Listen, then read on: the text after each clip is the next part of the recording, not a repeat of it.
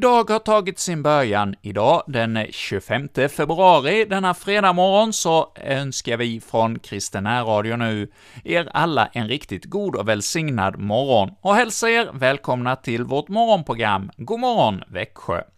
Ja, en dag som väl också återigen kommer att präglas av gårdagens hemska händelse. Ja, vi fick ju vakna upp till en ny situation igår när ett av våra grannländer har eh, drabbats av eh, det värsta som kan hända när ett annat land anfaller en och eh, går in med sina militära resurser in i sitt grannland, som vi fick uppleva igår när Ryssland angrep Ukraina. Ja, jag har själv aldrig varit i Ukraina och jag har nog vid något tillfälle träffat någon från just Ukraina, men har ingen närmare kontakt med detta land. Men på något sätt har jag alltid känt en samhörighet med just Ukraina på grund av deras flagga, den gulblå, flaggan har på något sätt eh, satt också att eh, det känns som att det är ett nära brodersfolk på något sätt till oss i Sverige, och du kanske också känner den känslan på samma sätt. Ja, och eh, när vi har hamnat i den situation vi har, så får vi stämma in i bön för eh, situationen. Ja, många av de europeiska ledarna igår, ja, de uttalade sig i hårda ordalag mot Ryssland och mot Putin och eh, hade också ett eh, oro och skräck för vad som skulle komma framöver och eh, man eh, sa att en ny ordning, europeisk försvarsordning var eh, och färdig. Och vad det ska innebära, ja, det är det ju ingen av oss som vet. Men visst, oron och skräcken kan ju komma lite oss till mans. Och Därav får vi ju komma till vår Herre med allt som tynger oss, och även i sådana här situationer så har ju Herren lovat att höra våra böner. Så dagens morgonprogram, ja, det blir rätt mycket av ett böneprogram, både för Ukraina och för hela vår värld. Men jag vill börja med att berätta en eh, lyssnarrespons till ett eh, närradioprogram som eh, jag hörde häromdagen. Jag är god vän med en av programledarna i eh, Kungsbacka närradio, och de har där ett förbönsprogram, och vissa veckor så sänder de det här förbönsprogrammet tillsammans med Borås närradioförening. Och i eh, höstas vid ett tillfälle när det var just Kungs Kungsbackas tur att stå för sändningen även i Borås, så var det en man som var på genomresa med sin fru genom eh, Boråstrakten, och av någon händelse som han, den här lyssnaren inte riktigt hade förstått, så hamnade de in på just eh, Borås närradiofrekvens på radion, och fick höra det här böneprogrammet, och han blev så berörd av en bön som där bads i det här programmet, och till slut, efter mycket om och men, hade han lyckats att leta upp programledaren och ringde till Dennis häromdagen. Och eh, ville ha tag på den här bönen som eh, Dennis hade bett i programmet. Och ja, Dennis han hade mejlat denna bön till honom och jag själv, när jag hade hört om detta, ja, jag gick ut och googlade efter den här bönen. Det var nämligen så att Dennis hade bett eh, den bön som finska presidenten bad vid det, det finska vinterkriget. Och vi ska här i närradion alldeles strax också få be denna bön men dessförinnan, så låt oss också be om Herrens förbarmande i ett niofaldigt kyrie. Ja, vi ska få höra en insjungning av eh, detta kyrie av deltagare vid koralveckan i, i Vadstena 1961 som eh, då sjunger för oss och vi får bli stilla inför detta, var hjälpen kommer ifrån i alla livets situationer. Ja, den kommer inte från oss själva, utan från vår himmelske skapare. Låt oss nu stämma in i denna bön.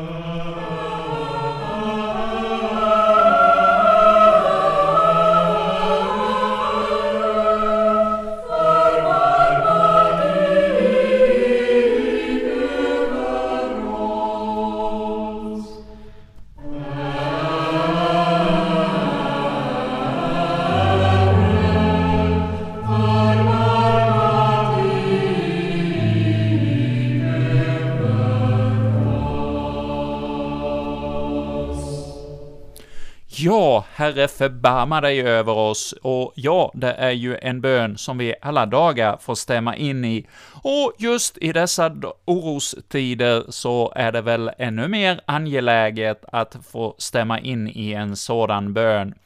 Och jag sa ju här någonting om den finske presidentens bön som eh, en lyssnare hade råkat att händelsevis få lyssna till när han var på genomresa genom Borås.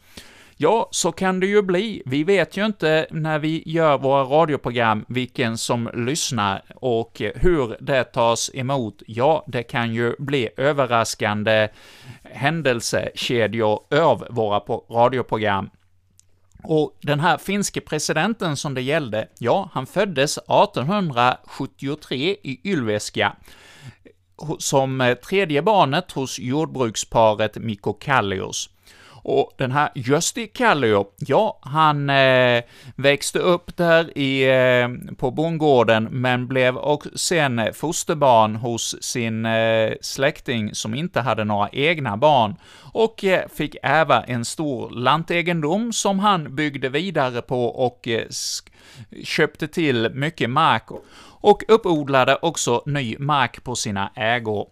Men eh, han var också politiskt intresserad och eh, allt eftersom tiden gick så fick han allt större och viktigare uppdrag i samhället och blev så småningom president, då under vinterkriget.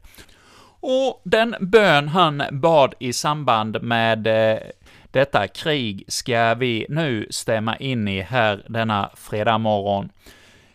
Ja, himmelske Fader, se i nåd till vårt folk. Du har skapat oss och älskar oss. Du ser att vi är i största fara. Därför ber vi dig, Herre, hjälp oss i vår nöd och låt oss inte gå under. Ge oss nåden att omvända oss ifrån syndens och laglöshetens vägar som leder vårt land till undergång.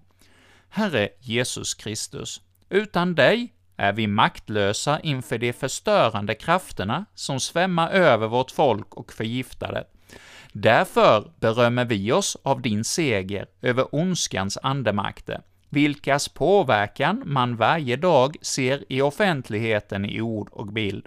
Herre, du har på Golgata kors övervunnit mörkrets makter. Det måste ge vika även idag, eftersom vi upphöjer ditt namn över dem. Detta tror vi på, ty du kan även i vår tid beskydda människor för satanisk villfarelse. Herre, förbarma dig över oss. Ja, hjälp oss genom din helige Ande att i vårt eget liv strida mot synden och vara ståndaktiga ända till slutet. Gör oss till ett tecken på din frigörande nåd Fyll oss med din kärlek, så att vi håller dina bud. Må din kärlek vara den kraft i oss som övervinner mörkrets makter över vårt folk. Herre Jesus Kristus, allt förmår vi i dig, det tror vi på. Förbarma dig över oss. Amen. Ja, Herre, tack för att vi får stämma in i denna bön inte bara för vårt eget land, utan för våra grannfolk, för Finland och eh, Ukraina alldeles särskilt. Denna morgon så ber vi för de lidanden som detta folk just denna dag får gå till mötes. Ja, Herre, du vet den skräck och oro som sprider sig i detta land idag och nu framöver. Ja, Herre, förbarma dig över den situation som Ukraina har hamnat i och hjälp det ukrainska folket att få kraft att åka kämpa igenom den situation som man nu befinner sig i. Ja, Herre, Låt freden återkomma till vår kontinent. Herre, förbarma dig över oss. Åh, Herre, vi ber för våra ledare i våra länder.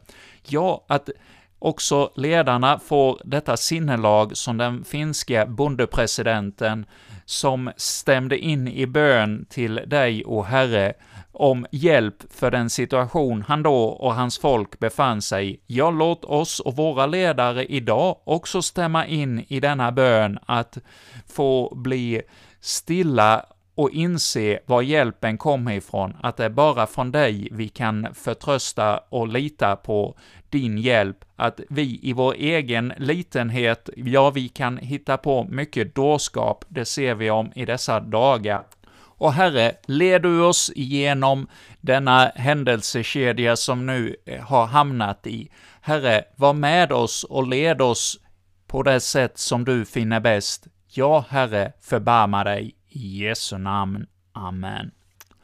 Och nu vill jag att vi sjunger med i en psalm som verkligen beskriver tryggheten som vi har att förvänta oss när vi vänder oss till Jesus.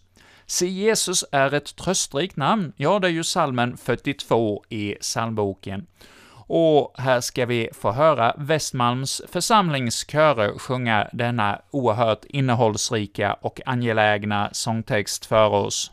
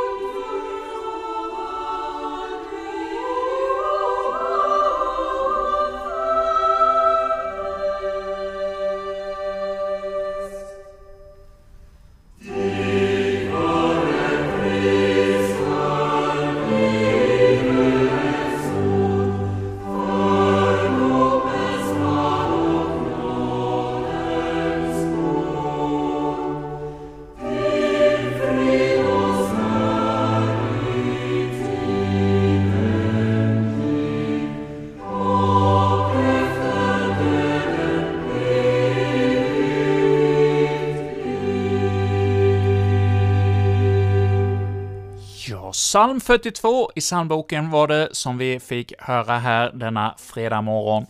Och ja, som vanligt på fredagarna ska vi nu få höra ett kapitel ur eh, evangeliet.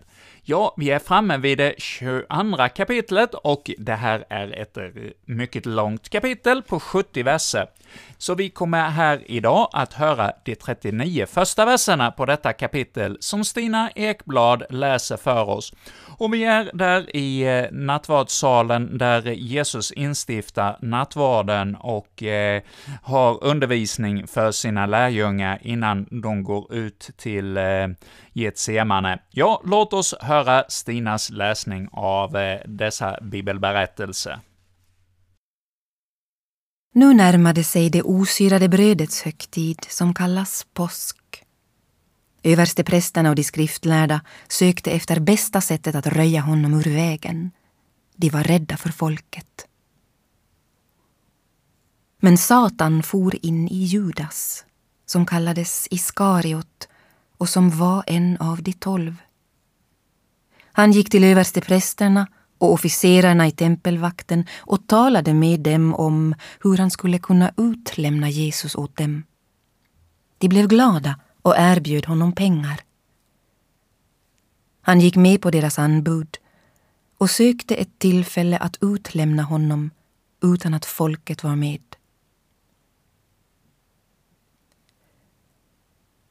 Så kom det osyrade brödets dag då påsklammen skulle slaktas.